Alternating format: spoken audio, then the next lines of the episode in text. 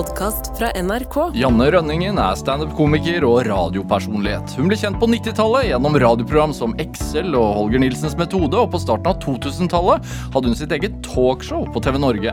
Rønningen er utdanna faglærer i kunst og håndverk, og i tillegg til å drive med standup kurser hun unge i gamle håndverkstradisjoner. Dette er Drivkraft med Vegard Larsen i NRK P2. Janne Rønningen, velkommen til Drivkraft. Takk for at jeg fikk komme. Tusen takk for at du er her. Hvordan har du det?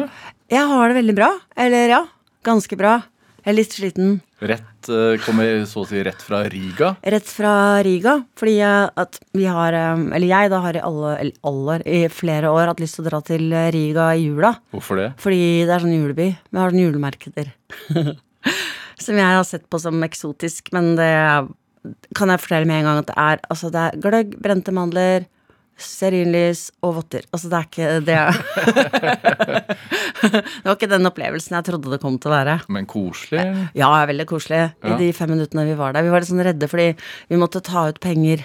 Eh, måtte ta, det, er jo, det er jo så lenge siden vi har tatt ut penger. Og så var det en sånn en eh, fyr eh, som, som tigget penger. Eh, eh, og det høres veldig usympatisk ut eh, at vi ikke liksom ville gi ut han, da, men det var bare at han Jeg tenkte at han var narkoman. Jeg tenkte at jeg, at jeg ikke liksom At jeg ikke ville sørge for at han tok heroin i dag. Eller jeg vet ikke. I hvert fall så sto han som en sånn Gollum for å være veldig foran den ATM-en, da. Så vi hadde liksom sånn go, go, go! Og så løpe bort og ta ut penger og dra. For vi hadde jo sagt sånn Vi har dessverre ikke euro.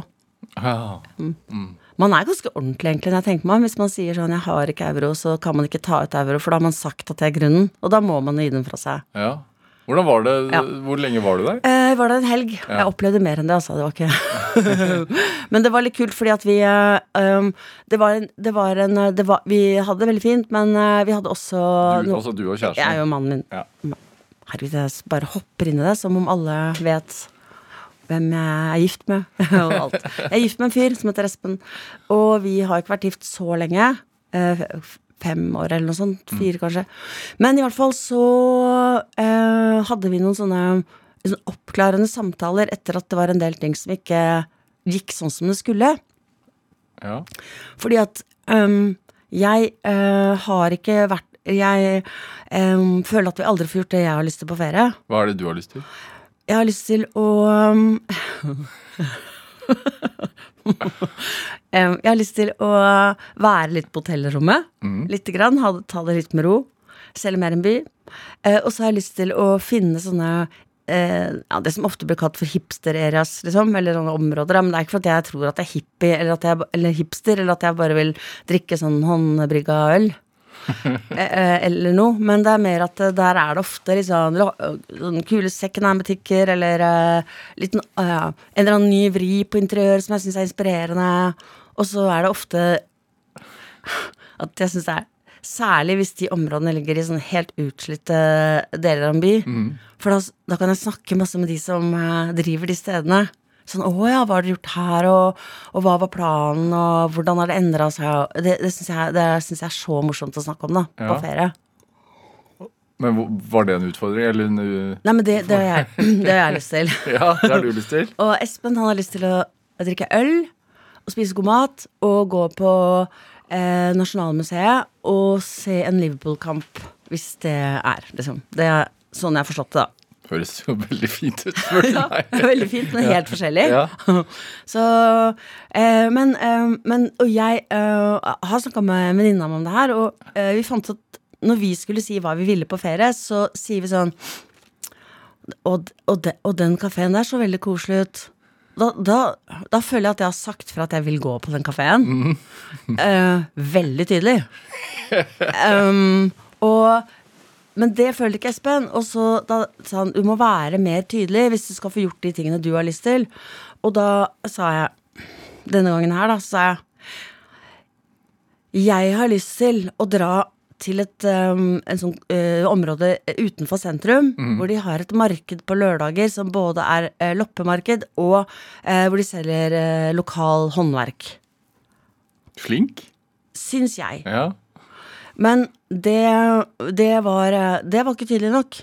Så det jeg øh, må gjøre, er at jeg, må, jeg kan ikke bare si det, for da er det bare liksom noe jeg sa. et slags forslag, eller Eller kanskje ikke forslag engang, bare litt sånn, jeg vet ikke. At det er ikke noe Så jeg må si ehm, Jeg må si jeg vet aldri hvilken rekkefølge jeg skal ta det, da, men jeg må i hvert fall- må jeg vite tidspunkt og hvordan jeg skal komme meg dit. så jeg må si for eksempel f- fra hotellet går det en buss klokken 9.30. Eller ok, jeg begynner før. Jeg har lastet ned en app Um, som eh, gjør at vi kan reise i, eh, i Rigas på samme måte som i Oslo. Um, og det går en buss fra hotellet klokken 9.30. Den vil være på lokasjonen eh, klokka eh, eh, klokka 9.50. Eh, og det er fint, fordi det lønner seg å være tidlig ute når man skal på loppemarked. Og dette er noe jeg virkelig vil. Og det er viktig at vi gjør det på lørdagen, for på søndagen er det stengt. Så ja, Ja. og da, for at ellers er det sånn at han føler at jeg bare slenger ut masse forslag uten å ha tatt noe ansvar for når vi skal dit, og hvor, hvordan vi skal komme oss dit, og hvor det er, og Så, eh, så det var veldig oppklarende samtale. ja, Så du har lært noe om, Jeg har lært om tydelighet? Ja, jeg har lært masse om tydelighet. Også og ansvar. Ja. Men Har det vært et problem tidligere? Um, I hvert fall, hvert fall vært årsaken til at vi har drukket øl og, sett en Liverpool-kamp og vært på Nasjonalmuseet. Som jo er fine ting, det, altså. Ja. Så, men kom du på loppemarkedet? Du, jeg, vi fant et nytt loppemarked dagen etter som gikk litt rundt og, og så på, men da var jeg så nervøs, eh, for da hadde jeg liksom mast mye om det. Så det eneste som skjedde på det loppemarkedet, var at jeg holdt en julepynt som jeg knuste, så måtte jeg betale to euro for den, og så dro vi. Dette er Drivkraft med Vegard Larsen i NRK P2. Og i dag er eh, standuper og, og radiopersonlighet eh, Janne Rønningen her hos meg i Drivkraft på NRK P2. Du, eh, jeg ser at du har en julekalender i år Ja, på Instagram. Ja, ja, ja. Hvor du sånn så å si hver dag ja.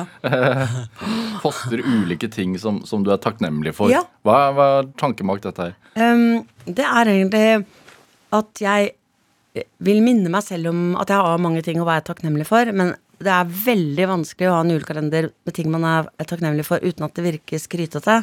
Sånn Hei, i dag er jeg tak takknemlig for at jeg har så utrolig gode venner, og at jeg har råd til å gå på og så så her burde jeg funnet på en sånn dyr restaurant, men jeg kan Grang? Nei da. Maemo.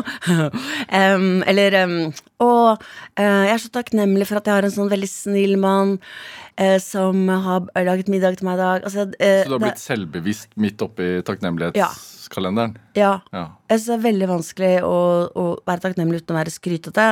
Men så er det også veldig ut Det har vært ut i mange år nå, har jeg skjønt, å være takknem... Nei, å være skryte på Facebook. For i begynnelsen var det sånn 'Jeg fikk A', eller 'Jeg er på denne fjelltoppen', men nå må man skrive mer sånn 'Typisk meg'. Her sitter jeg på toppen av Mount Everest uten å ha med Kvikk Lunsj, sånn som jeg hadde planlagt. det er litt mer sånn. Er du ikke enig? Ja. Ja. Snikskryting. Ja, man må, ja. Man må liksom rettferdiggjøre eh, skryt med noe dårlig og kjapt. Ja, Men hva var tanken bak utgangspunktet? da? Altså fordi Å ja, ja, ja. Eh, nei, det var bare at jeg skulle øve meg på å være mer takknemlig, da. Ja. Ehm, fordi, og det har vært veldig vellykka for meg. Og de eh, 20 andre kanskje som har trykka liker på den kalenderen. Eh, fordi det, det har gjort at jeg må velge. ikke sant? Så jeg har veldig mange ting å være takknemlig for hver eneste dag. Hvorfor var det en god idé, tenkte du? Nei, fordi at eh, altså da um, Da må fokuset mitt være det som er bra, da. Og det er veldig mange ting som er bra. For eksempel så eh, Så er det veldig bra at jeg kan bade på Manglerud bad. Koster bare 80 kroner ut året. Det er veldig billig. Og da kan man få boblebad og, og badstue og alt. Det er, det er luksus i Norge. Ja, Slags lokalt spa? Ja. Ja. Um, og så er jeg jo uh, veldig takknemlig for altså, det, Også når det skjer negative ting. liksom. Man må tenke på det positive. For eksempel uh, så var det en, en dag som det, vi ikke hadde Altså vannet var Altså det, det, vi kunne ikke bruke vannet, da. Fordi det var rørleggere i kjelleren. eh, og da, da, da kjente jeg at jeg var veldig takknemlig for at jeg vanligvis har innlagt vann. Spesielt fordi jeg hadde urinveisinfeksjon den dagen. Så det var litt jævlig, egentlig. Men da ble jeg også veldig takknemlig for det. ikke sant? Så det, er liksom, det blir sånn være glad-leken i de Pollyanna-bøkene. vi startet med, Men du må liksom se til det positive hele tiden, da. Sånn, ja. Og i går så, så jeg en fyr som ble båret ut av toget, som satt i rullestol, og da tenkte jeg sånn Herregud, altså det der med to armer og to bein, det er som funker, liksom. Fy faen, for en luksus det er egentlig, liksom, når man tenker over det, da. Ja. Men jeg tenker ikke så mye over det. Men hjelper det da? Å tvinge seg selv til å finne én ting hver dag? Nei. Jo da. ja, ja, det gjør det, for jeg må jo tenke på hva skal jeg poste. Så skal jeg tenke å, kanskje dette det kan jeg kanskje dele. Um, en deilig cappuccino, men det er for tidlig, liksom. Det kan skje noe bedre. Em, så, og så skjer det ofte flere ting, da, som er kjempekule. Eksempel i Riga, som jeg ikke har posta noe fra, for da var det så mye å være takknemlig for. Da kom vi over en sånn eh, fløyte vi var på et Art Nouveau-museum, og så var det sånn fløytekonsert der inne. Jeg har aldri vært på fløytekonsert før, og ingen konserter med Wagner. så ja, jeg har dårlig samvittighet for å høre på, eh, selv om det kanskje ikke var Wagners skyld eh, med andre verdenskrig. Men jeg har liksom ikke satt meg ordentlig inn i det. Så jeg bare tenkte tenk om det han. Men da, da var jeg veldig takknemlig for det at jeg fikk eh, være med på det, da. Ja. Eh, Men etterpå så spiste jeg veldig god mat, ikke sant. Så da ville jeg ikke liksom ha brukt opp, da. Så da, sånn, går, sånn går de dagene, ikke sant. Rett blikket mot det som er fint. Ja. Hvorfor har vi så lett for å glemme det, da? De småtingene. Fordi vi er så opptatt av å tenke over ting som er eh, feil. Fordi det er nettopp lært, etter et tre måneders opphold på rehab, som jeg nettopp har kommet fra, at hjernen er så opptatt av å lete etter feil og mangler og, og farer. Ja. Rehab. Ja, det var kanskje mer interessant enn det med hjernen.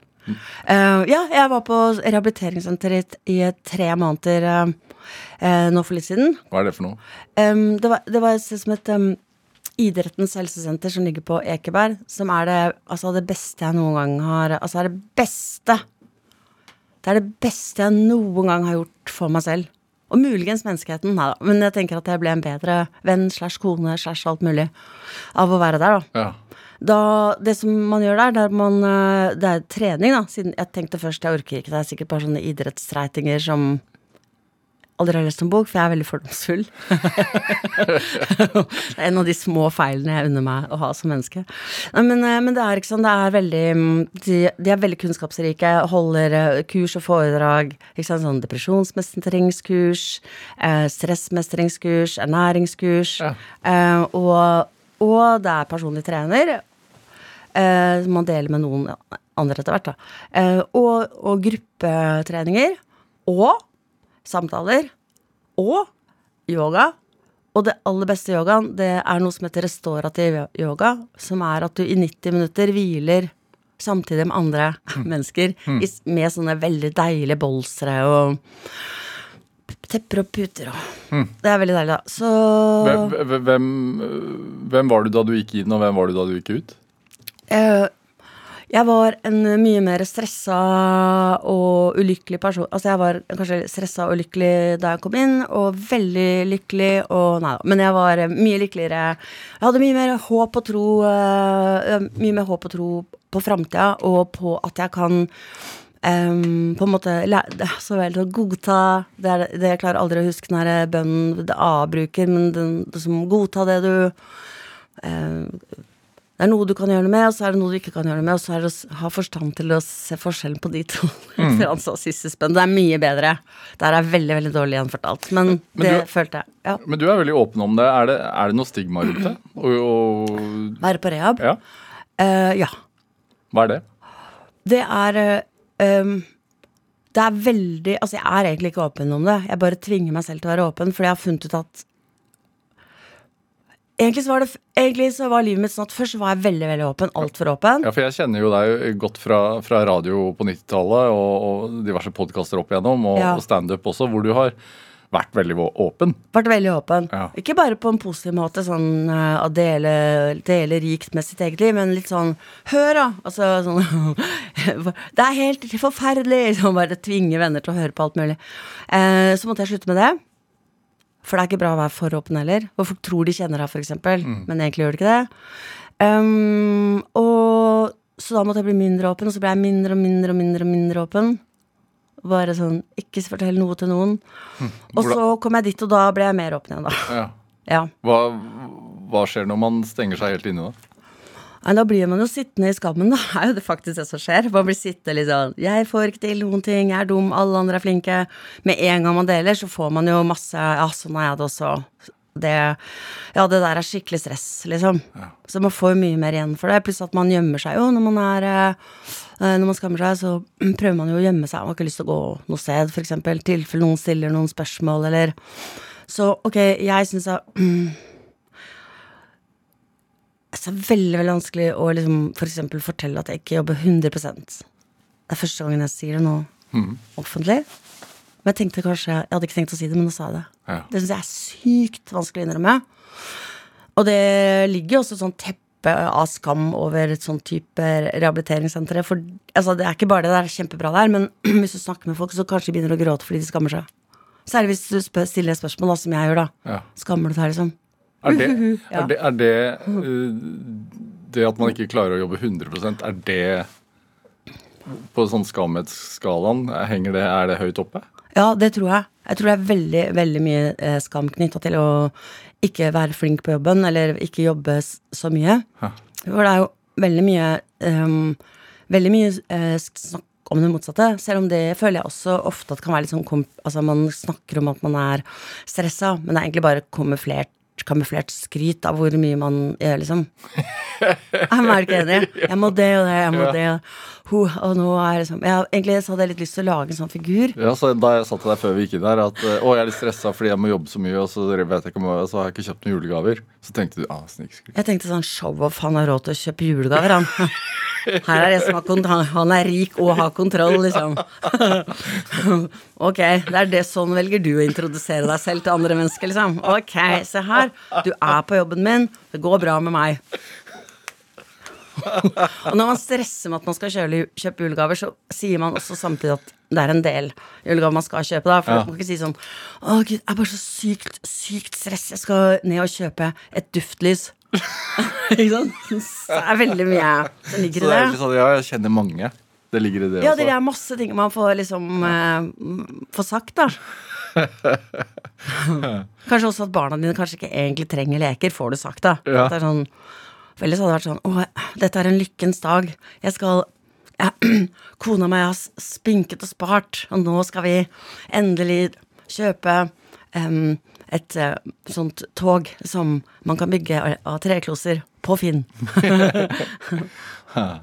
Men, men en av de tingene du lærer da, er å være mer takknemlig.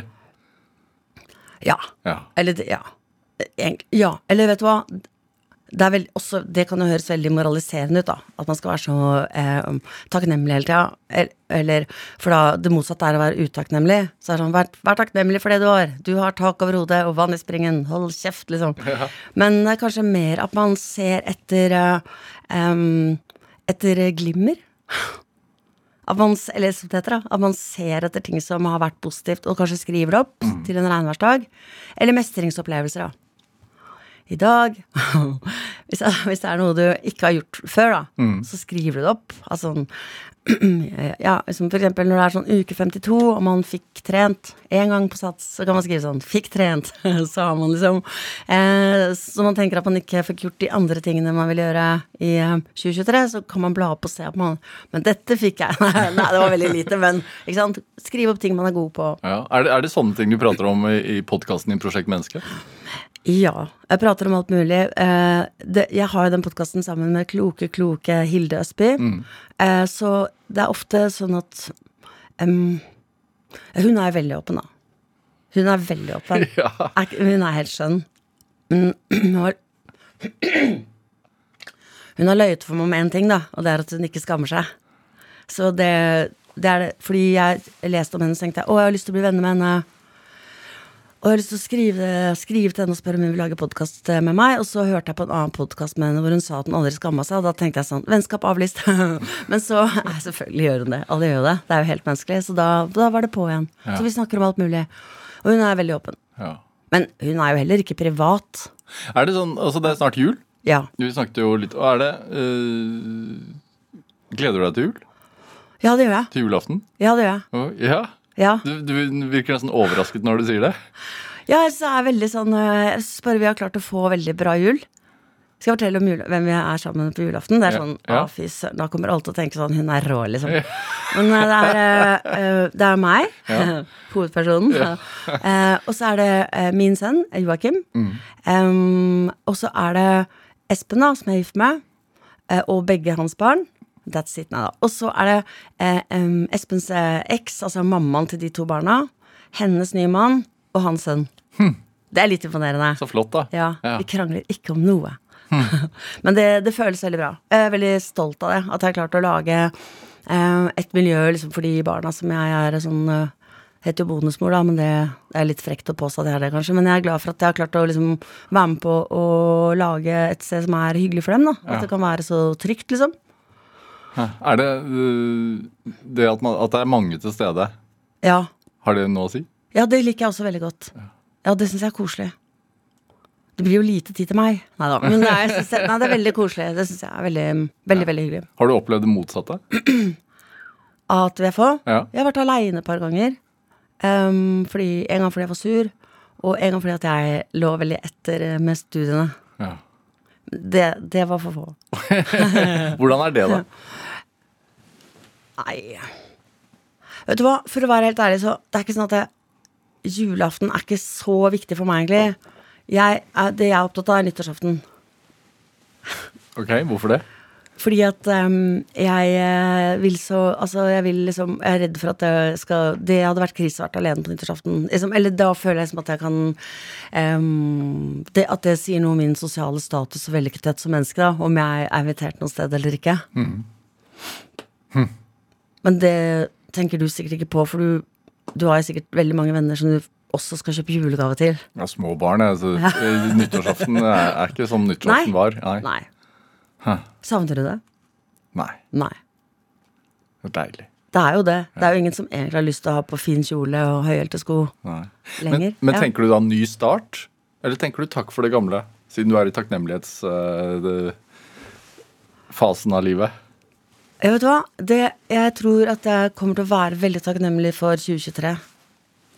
Faktisk. Ja. Fordi at jeg har blitt liksom mye sterkere, og både fysisk og mentalt. Og fordi at jeg liksom har fått gode verktøy for å liksom leve et bedre liv etterpå, da. Hvis, jeg, hvis Gud vil, da. Var det i år også du gjorde uh, standup-comeback? Eller var det i fjor? Jeg tror kanskje det var i fjor. Ja. Du var borte i mange år fra Ja. scenen. Ja. Hvorfor eh, valgte du å komme tilbake? Det var egentlig bare fordi at jeg skulle lage en annen podkast som heter eh, Unnskyld. Eh, og så skulle vi lage en pilotepisode, jeg og Sofie Frøysaa. Og så grua, var jeg veldig nervøs, så skulle hun ned og ø, gjøre standup på sånn liten klubb. Så han bli med, da vel, så kan du gjøre fem minutter. Og da tenkte jeg at å, det er jo genialt, for da kan jeg Altså, for å gjøre standup er det verste jeg vet. Så da kan jeg liksom grue meg til det istedenfor å grue meg til det. Så var det helt sånn Helt sånn rolig Hva heter det? Pudder? Er det ikke det man ville sagt hvis man var skikjører? Og lage den piloten. For da liksom hadde jeg flytta nervene. Så hvis du har angst, er mitt råd til deg å bare line opp masse ting du har angst for, og bare flytte angsten to timer fram. Nei da. Men det funka. Ja. Men det er det verste du gjør, sier du. Men du har gjort det mye. Ja. Hvorfor det, da? Um, nei. Um, håper hver gang at jeg skal like det neste gang. Og så noen veldig få ganger, så, så Noen veldig, veldig få ganger, som er veldig, veldig få, så, så liker jeg det veldig godt. Ja. Og det er så Det er den feteste følelsen. Har det endret seg noe fra altså, starten av 2000-tallet til nå? Standup. Ja. Eh, ja, altså det som har endra seg først og fremst, er jo at det har blitt mer variert. Um, at det har blitt litt uh, Altså bare aldersmessig, da. Noen er gamle, og noen er unge. ja. Hvordan var det da du begynte å stå? Da var det, da var det uh, bare gutter, noen gutter som var stort sett sånn litt eldre enn meg, um, som sa at det var, jeg var veldig heldig som begynte som komiker um, fordi jeg var jente. For da kunne jeg snakke om mensen og sånn.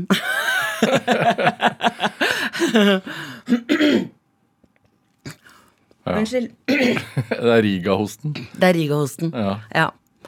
Og veldig få som røyka i, i Riga. Forresten, jeg hadde forventa at alle skulle røyke der, men det trenger vi ikke å snakke om. Jeg bare sier det, i tilfelle noen. Ja. Yes. Noen lurte. Hvordan er det nå, da? eh, nå var jeg på røyk. Skal se, uh, hvordan er det nå med, med standup? Å ja. Uh, nei, nå er det mye mer variert. Nå er det, nå er det litt andre folk. Og, og, og så føler jeg også at det er veldig avslappa og veldig hyggelig. Altså veldig hyggelig backstage. Mm. Det er mer uh, Ja, folk kjenner hverandre. Folk er glad i hverandre, da. Kjent, nå er er det jo et miljø folk har kjent hverandre i mange år og er sånn oppriktig glad for å se. Her kommer Vidar, liksom. Hei, Vidar! Og, Det er koselig. Hva tenker du om din posisjon, da, som da rutinert egentlig, og, og som var med i starten? Altså nå gjør comeback eh, i, i eh, et annet sikt, altså sikt av livet, hvor mange er mye yngre enn deg. Altså, en av de første gangene jeg gjorde standup, Ja. etter at jeg liksom hadde Så var jeg på en liten sånn Østfold-turné med en fyr som er veldig søt, men som snakker veldig høyt fordi han er ungdom, og de snakker jo drithøyt alltid. Fordi de tenker at det de har å si, er, er liksom det er veldig viktig at alle til stede får vite det, da. Nei, det var slemt mot ungdom, men beklager. Men sånn syns jeg det er. Men da eh, Hilsen Janne. 84. Men da han i hvert fall snakket veldig høyt, da. Og så jeg prøvde å konsentrere meg, og da sa jeg, da sa jeg um, eh, Vi er i samme rom alle sammen, så det, det er ikke nødvendig å snakke så høyt. Eh, og da sa han sånn Å, herregud, liksom. Det høres ut som mora mi. Og så regna vi på det, og da øh, kom vi fram til at jeg var 14 år eldre enn mora hans. Og da tenkte jeg sånn Nei, det blir ikke noe mer turné på meg, liksom. Det kan jo ikke være sånn. Det er jo helt forferdelig. Skal de liksom sitte sånn Ja, Janne er på jobb i dag, så fint hvis alle kan ta med litt strikketøy og en uh, termos liksom, Jeg, jeg kan jo ikke forvente det. Men strikker du backstage? Ja. Er det, er det rart? Altså, det nei, nei, det er fint. Hæ, Men roer Mm. Ja, ja. det nervene? Ja. Ja. For du tenker Ja. Hvor ofte strikker du? Uh, jeg strikker så ofte jeg kan. For å roe nervene. Ja. vil du egentlig helst hatt strikketøy nå? Ja, Ja. jeg har det med, da. Det ligger uti bak der. Ja. Strikker du når du har podkasten din? Nei, det gjør jeg ikke. Men jeg har jo sånn veldig sånn hyperfokus, så akkurat nå så er jeg veldig fokusert på å være her. Og da hadde jeg ikke klart det. Og så tror jeg jo at liksom, ja, men jeg kan strikke og være på forelesning og sånn, men det er bare tull, liksom. Det er bare det er, det er utrolig meditativt. da Man blir, man blir liksom litt fanga inni, det. Det er veldig deilig. Hva snakker du om i i standup-settet ditt? Mm, skal vi se, hva er det jeg snakker om der, da? Mm. Jeg uh, snakka ganske mye om eh, Jeg syns det er veldig gøy å snakke om eh, rusavhengige. Hvorfor det? Jeg syns, jeg synes det er liksom det søteste Altså det er min favoritt eh, Hvis man skal liksom sette folk i bås, så er det søteste, liksom. Jeg bare syns alt er søtt. Nei, jeg vet det. Men jeg syns det er liksom søtt. Da. Kanskje liksom, hvis de sier sånn har du kvittering? Så jeg bare, det er liksom, føler jeg akkurat som når barn bruker frem... Nei, men altså, unnskyld. Men jeg syns bare det er veldig søtt liksom, at de er annerledes. At de er like At de er liksom Selv om jeg ikke er sånn Eller jeg er ikke rusavhengig, da. Jeg bruker mye medisiner, men jeg bare føler at liksom det er gøy at de um, Nei, det her kom veldig feil ut. Men jeg syns det er ofte litt komisk. At de sier ofte morsomme ting. Ok, jeg skal gi et eksempel, da. Ja. Så jeg høres fæl ut nå, så jeg skal gi et eksempel. En gang så gikk jeg nedover gata på, eh, mot, altså i Oslo, eh, mot et kjøpesenter som heter Gunerius. Der er det veldig mange som kjøper og selger. Eh, og da gikk jeg, og så hadde jeg en ganske kort hvit kjole på meg, og så var det en fyr som gikk bak meg. Og så sier han sånn Du, har du stripete Har du stripete truse på deg, liksom? Og så er jeg sånn Nei, eh, nei jeg har ensfarga. Og så sier han Er du sikker på at den ikke er, er stripete? Så er jeg helt sikker. Og så han Ok, kan jeg få se? Og så løfta jeg liksom på kjolen, bare sånn kjapt, da. så han så at jeg og da, da gikk han da, liksom, Han gikk bak meg, men da kom han forfra og snudde seg mot meg. Og så rakk han ut handa og sa han sånn 'Hallo, jeg heter Petter'. og det tenker jeg, det er sånn annerledes. det liker jeg godt. Ja. Det er, sier noe om deg òg, kanskje? Det litt, Ja. Ja. Så er vel det det egentlig handler om. da Standupen det handler bare om meg, egentlig. Og eh, det forteller veldig mye om meg som menneske. At jeg syns det er gøy. Jan Renningen, vi skal spille litt uh, musikk. ja. Uh, du har med en, en uh, låt som heter I Believe. ja. fra Book of Mormon, sa du det? Yes, ja. hva- Hvorfor det? Fordi vi var og så den Book of Mormon i London. En ting vi hadde klart å bli enige om. Mm. eller- Hva er, hva er det for et stykke? Eh, det handler om eh, en gruppe misjonærer, eh, mormonere, eh, som, eh, som skal dra til eh, ulike steder av verden for å misjonere. Uh, og så er det liksom aller mest uh, gudfryktige og ivrige og ambisiøse mormoneren havner selvfølgelig sammen med en som ikke kan Bibelen helt, egentlig, og liksom improviserende tøyskopp. Og de Og de eh, eh, ender opp i Afrika, et eller annet sted. Jeg tror ikke det er Kongo, men jeg husker ikke akkurat hvilket land det er. Afrika.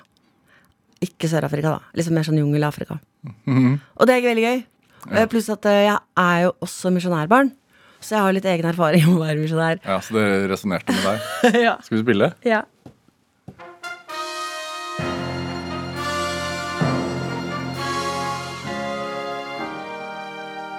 Ever since I was a child, I tried to be the best. So what happened? My family and friends all said I was blessed. So what happened? It was supposed to be all so exciting to be teaching of Christ across the sea, but I allowed my faith to be shaken.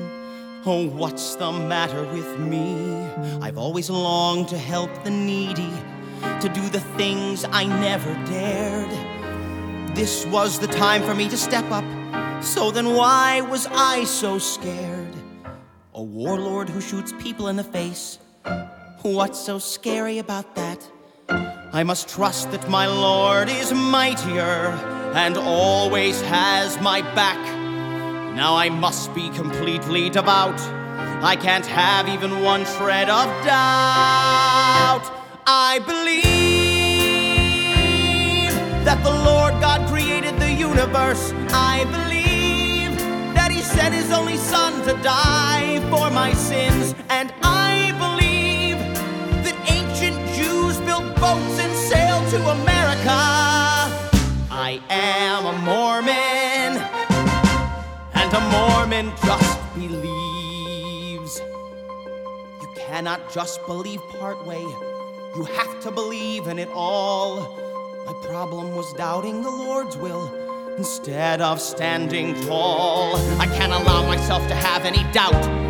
It's time to set my worries free. Time to show the world what Elder Price is about and share the power inside of me.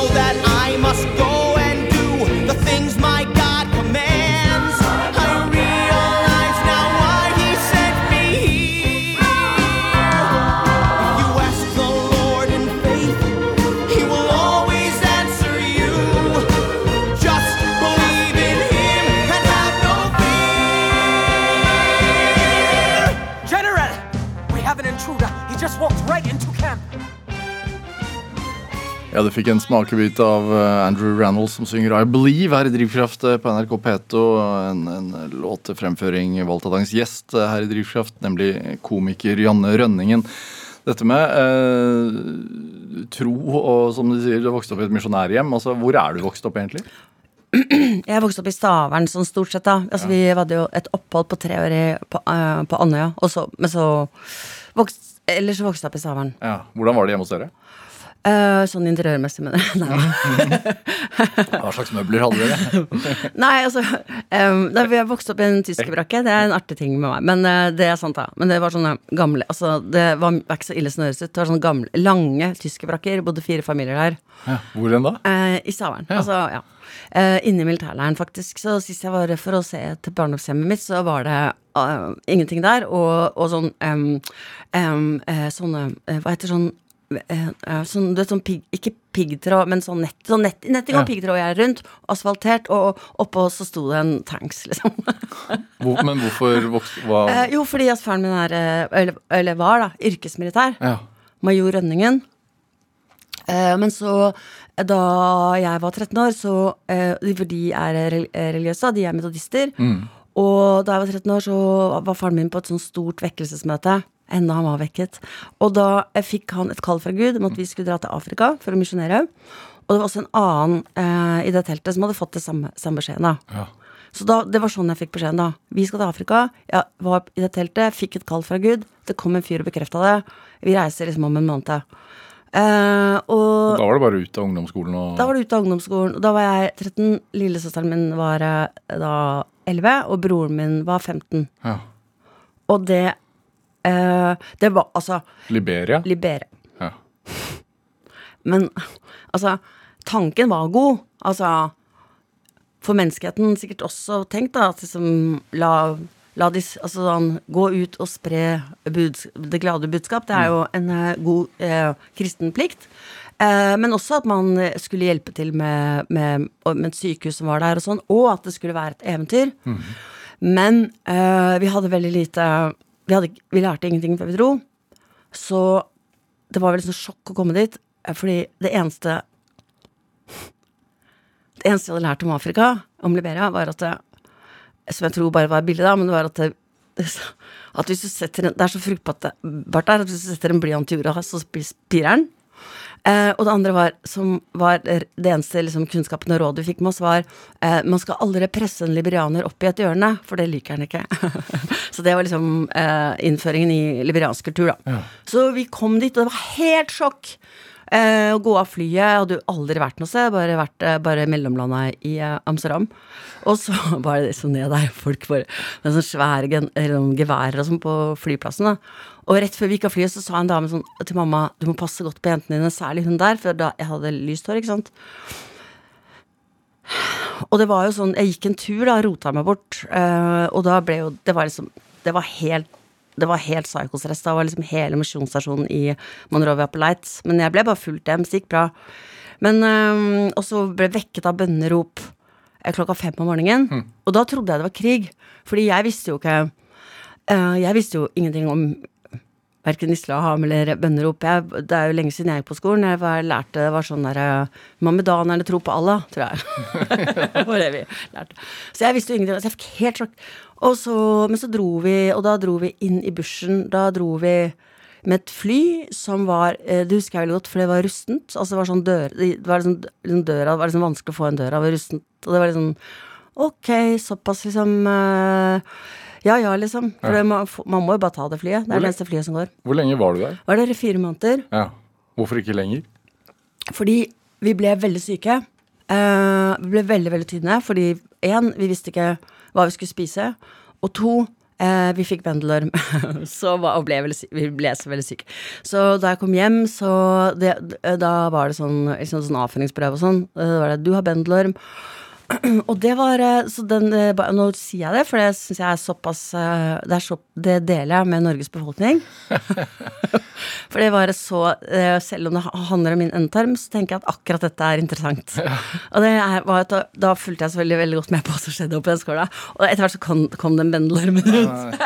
jo, jo. Men det som er, var veldig rart med det verste med bendelorm-episoden, det var at det var at liksom Det var på en måte ikke bare en mark, det var liksom på en måte et slags dyr. Det var liksom veldig stort, så det var veldig ekkelt å bare flushe den i do. Men jeg kunne jo ikke, ha, jeg kunne ikke beholde den heller som et kjæledyr, liksom. Det føltes ikke bra. Føles som den eh, kanskje bor nede i kloakksystemet fremdeles og bærer nag til meg. Men, men er det eh, altså, Det er jo fire måneder av, Ja. et liv, og, men du, du var jo ung da. Det, Ja. Når du ser tilbake på det, hva, har det hatt noe påvirkning på livet ditt, tror du? Um, ja, det har det hatt. Det har det hatt. Vet du hva, jeg tenkte på en måte, det er, det er så rart å si, kanskje, men jeg tenkte på en måte at kanskje det er sånn at menneskene liksom At det er naturlig for oss egentlig å bo i Afrika, men det er jo veldig teit å si, da. For det betyr at alle som er fra Afrika, burde dra tilbake dit. eller sånn. Det er veldig rart hvis jeg sier det, kanskje.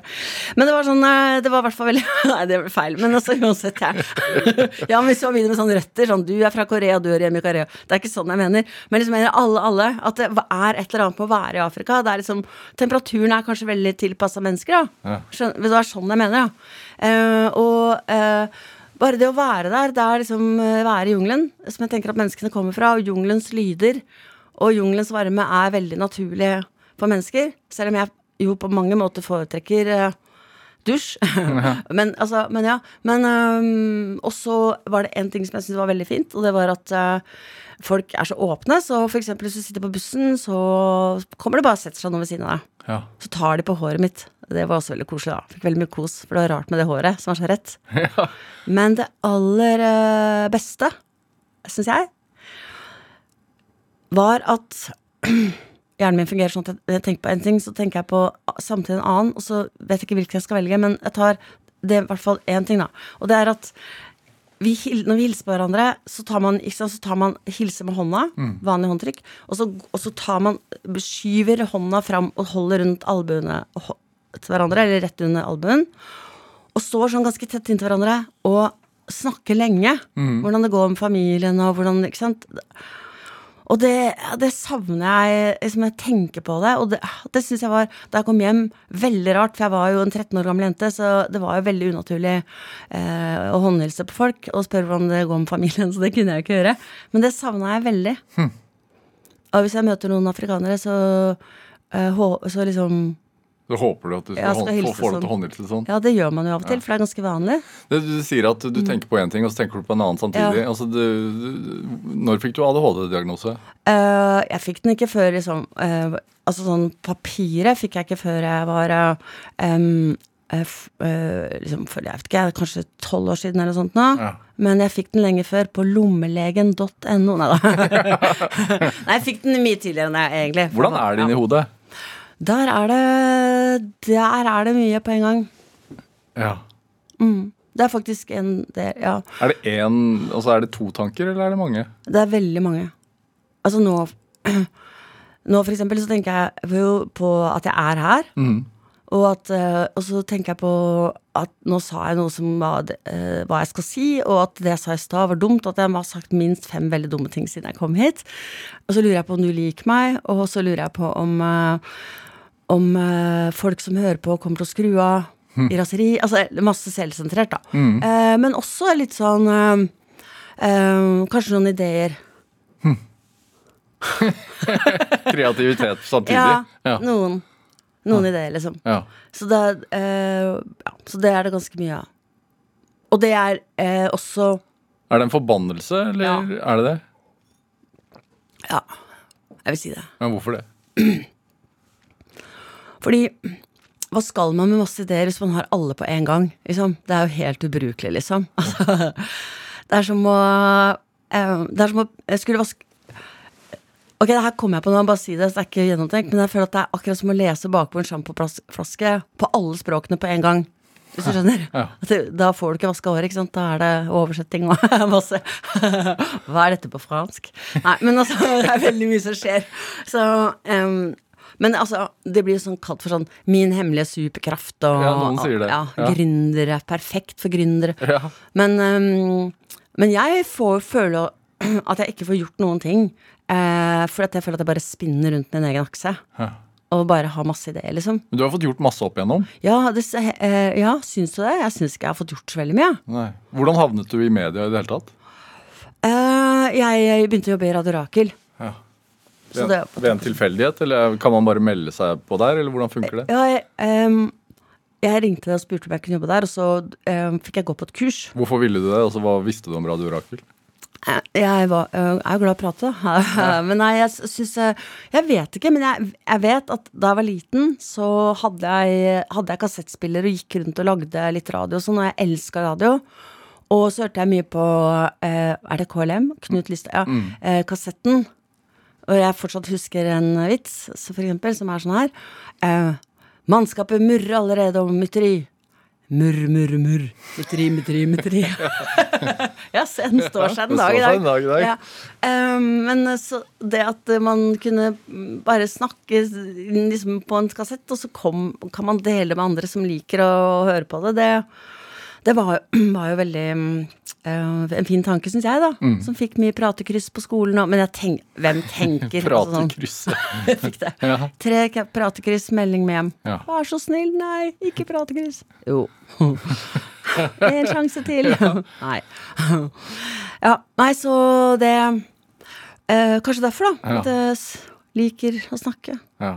Ikke så god på å skrive, kanskje. Litt ordblind. Altså, Radio Rakel lå det da i, i Blitzhuset? Nei. Ja, det Ja. lå i Blitzhuset. Ja. Så det er en alternativ radio som har vært i mange år Ja. i Oslo. Men uh, i begynnelsen var jo egentlig bare det eneste alternativet at det var damer som jobba der. Det var menn der òg, da. Ja. Men det var damer. Og de var uh, Ja, ja og som, så det var jo kjempebra. Fordi de, den radio, de, det var jeg var med der, uh, avla jo fram eh, Det var et sted hvor unge kvinnelige talenter fikk eh, øve seg, da. ja. Um, og så had, var det jo en radio som hadde hadde en del på agendaen. Unnskyld, jeg bare ler for at jeg bare kom på at da jeg begynte i Radio Aker, så Så fikk jeg beskjed om å lage en sånn eh, serie som skulle gå på som morgenprogram, og da lagde jeg en, da lagde jeg en serie som het Epidemier før aids. Og 17 minutters episode om, om å være spedalsk, som ble tatt av lufta. Så det var liksom sånn min første dårlige, første dårlige radio. Uh. Ja, men uh, så Men det er, det er veldig bra, da. Ja. Og så er det bra og gøy, var gøy å være på Blitzhuset. Eller, jeg var jo ikke så mye der, da. Jeg var bare mest Vi ble faktisk kalt for Foundation-generasjonen, fordi på den tiden så var det sånn at de jentene som jobba der, likte å sminke seg og Jeg hadde sånn lakksko med sløyfer eh, på, husker jeg. For jeg fikk litt sånn litt rann juling eh, når jeg gikk inn på sånn Blitz-konsert. Så jeg var mest i toppetasjen. Ja. På grunn av, på grunn av forfengelighet. Og så øh, kom du inn i P3 på grunn av det. Mm. Uh, og, og dette var virkelig oppstartsfasen av P3, og, og, og du var jo med i, i flaggskipet Excel blant annet, og, fikk jo ganske mye oppmerksomhet. Ja. Uh, hvordan var det?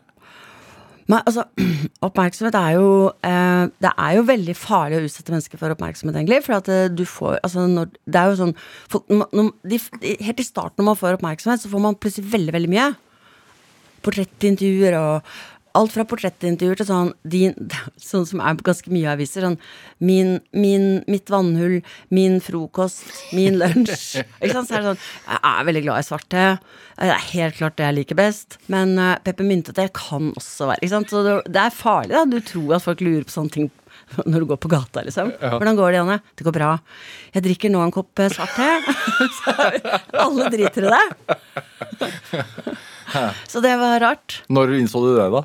Uh, nei, det, det innså jeg med, uh, med en gang. eh, Med en gang uh, altså, jeg merka at det var deilig, og så merka jeg når folk slutta å spørre, at det var sånn Er det liksom Ok, så Ok, så nå har jeg begynt å spise litt annen mat og sånn. Jeg har funnet noen nye vannhull, men det er visst ingen som har noe interesse av. så det er litt sånn um, Men så var det også en irriterende ting med oppmerksomheten, og det var at Det var at ehm, folk spurte alltid om hvordan det var å være jen, jen, Skal vi snakke om forskjellen på jentehumor og guttehumor? Ja. Og det var, er virkelig sant at det var det de så veldig mange lurte på. Fordi da hadde jeg snakka om det mange ganger i intervjuer som handla om andre ting òg. Men så var det en som ringte meg og spurte om jeg ville stille opp på et intervju. Og jeg bare ja, ja, selvfølgelig. Eh, og så sa jeg bare det ikke er sånn derre Hva er forskjellen på guttehumor og jentehumor? Og, og så ble det liksom helt stille i den andre enden sånn lenge, liksom. Og så er jeg sånn Det var kanskje bare det du hadde tenkt å snakke med om? Ja. det var det eneste. Ja. Og det slipper man kanskje i dag. Ja, det tror, ja, men det er veldig mye fokus. Da. Stakkars de som Altså, stakkars de som, eh, som vokser opp i dag og får sånn Altså sånn hets. Fy faen, så drøyt, liksom. At, eh, hva er galt med folk? Men hva var det sånn? Ja. altså, Fordi du, du fikk jo etter hvert ditt eget talkshow på TV Norge, Ja. og, og, og så ble du stille, og så ble du plutselig lærer.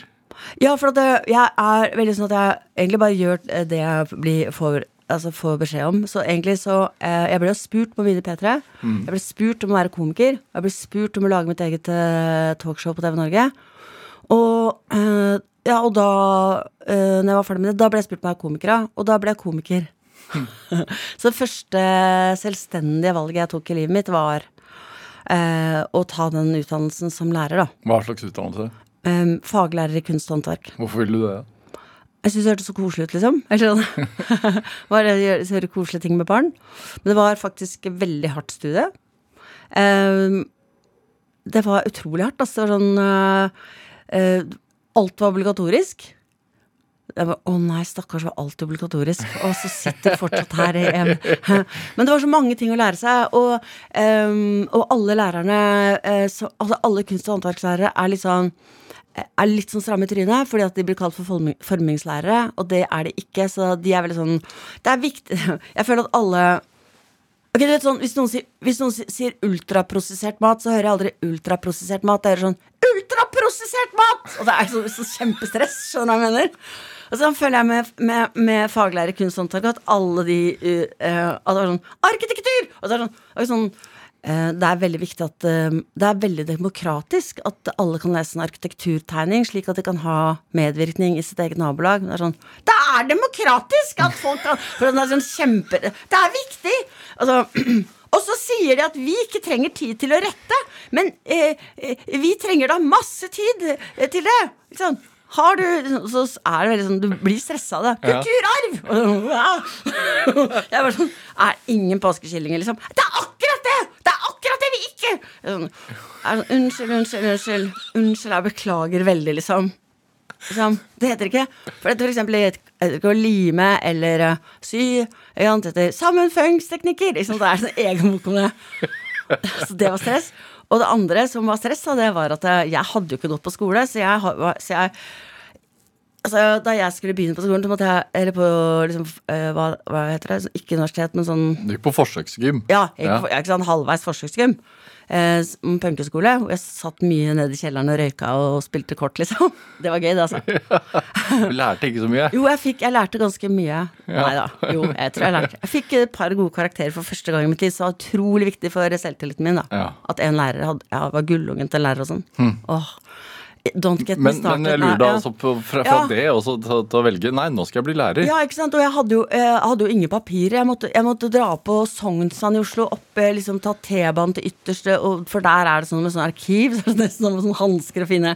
Der gikk du på ungdomsskolen. Ikke sant? Det var dritrart, da. Jeg kunne ingenting om eh, Jeg var ikke en intellektuell person. Nå er jeg det. Hæ. Mm. Men, men du har jo undervist også. eh, barn og unge. ja. Ja. Hva gjør du da? Hva er det du underviser i? Nei, altså, jeg skulle jo undervise i eh, kunsthåndverk, da. Eh, så da prøvde jeg å lage veldig gode opplegg og med liksom mye balan god balanse mellom eh,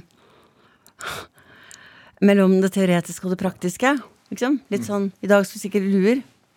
Først skal vi snakke om ullas egenskaper og hvorfor den har vært viktig for oss gjennom generasjoner. Men altså, ikke sant, En liten powerpoint om sauen, kanskje? Nei, skjønner at det er Jeg prøvde så godt jeg kunne, men det var ikke noe for meg, egentlig. Jeg må være ærlig og si det. Altså Kanskje senere, når det blir helt Hvis det blir helt, helt lærerkrise i Norge. Ingen kommer, da kan jeg stille opp. Men ellers så tror jeg det er best at jeg bare lar det ligge. Hvorfor var det ikke noe for deg? Fordi For det første så liker jeg ikke å mase på folk. Så akkurat som den ferien, jeg liker ikke å si hva jeg vil. Eller jeg liker å komme med forslag, og så, og så, så jeg var, det var dumt, for jeg sa eksempel sånn Er det noen som har lyst til å lære litt om symmetri?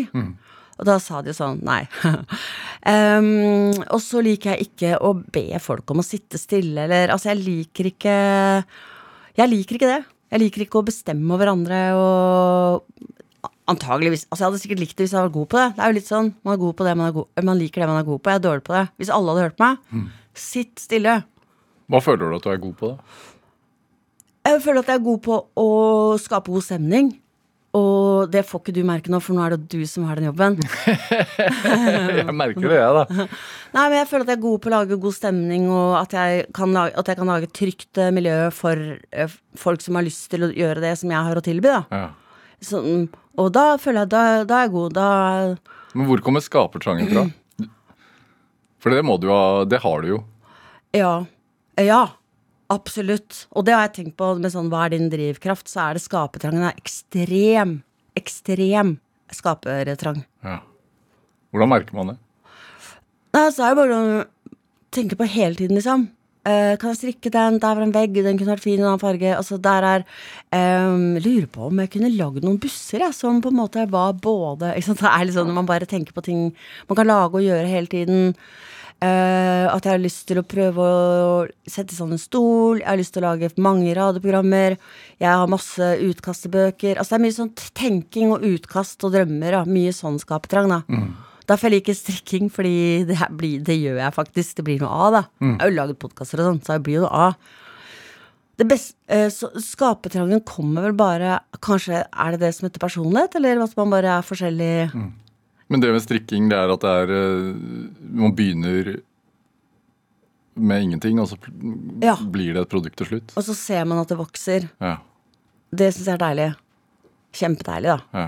Um, men hva tro... Eller hva det, det har aldri tenkt på hvor skapertrang kommer fra. Det må jo, er jo noe veldig naturlig, da, ellers hadde vi jo ikke hatt Men er det sånn altså, at, at Kan man planlegge livet sitt, tenker du? Fra A til Å? Ja, Sånn som eh, strikkemønster? Ja. Ehm, det tror jeg. Og det er jo mange som holder på med sånn femårs Hvor er du om 20 år og sånn. Mm. Har du hatt uh, noen sånn plan noen gang? Ja, hatt mange sånne planer. Og skriver jeg opp en bok, så mister jeg den boka rett etterpå, liksom. jeg aner ikke hva planen var. Skal jeg fortelle hvor mye tid jeg bruker på altså, å planlegge ting som Skal jeg bare fortelle fra den turen? Ja. Altså skal jeg Altså, ok, jeg er helt utslitt uh, liksom bare for å prøve å tenke på at jeg skal ha med alle tingene på tur. Så Espen har passet mitt for at ikke jeg skal glemme det. Når jeg kommer fram til Riga, så glemte jeg mobiltelefonen min på do. Eh, som jeg fikk tilbake. Så drar vi til, eh, hotellet. Da jeg skal dra hjem så, fin- eh, og pakke, så finner jeg ut at jeg har glemt headsetet mitt. Så jeg kommer på flyplassen, så må jeg hente headsetet i kjelleren. Det er helt fantastisk. Noen har levert den fra seg, da. Eh, og så Ehm, da er jeg så stressa liksom, og føler meg så dum overfor Espen at jeg klarer ingenting. Ikke pass, ikke, ikke klarer ikke å ha mine egne hodetelefoner. Um, og da gikk jeg gjennom den der sikkerhetsskranken gjennom han, så det peip over hele flyplassen. Slitsomt. Ler du da, eller? Nei, da gråt jeg faktisk. Å nei, det ble slutten. Å, å nei, unnskyld. Nå som vi hadde det så fint. Åh, Janne Rønningen, tusen takk for at du kom til Drivkraft. tusen takk for at jeg fikk være her. Og riktig god jul. Riktig god jul. Ja, Det er ikke så lenge til nå. Nei. Hør flere samtaler i Drivkraft eh, på nrk.no eller i appen NRK Radio. Produsent og researcher i dag, det var eh, Ådne Feiring. Dette var Drivkraft. Jeg heter Vega Larsen. Vi høres. Du har hørt en podkast fra NRK. Hør alle episodene kun i appen NRK Radio. En podkast fra NRK. Denne historien handler om pianisten og komponisten Maria Kandegård. Om musikken hennes, om livet hennes og om hjernen hennes. Plutselig så skjedde det et eller annet. Det var akkurat som at ingenting eksisterte. Hun var det enestående musikalske talentet som bare forsvant da hun var tidlig i 20-åra. Jeg tenkte at hele verden, at det var egentlig bare en drøm. Så jeg var en person i den drømmen. Men det var ikke min drøm. Hør pianisten i appen NRK Radio.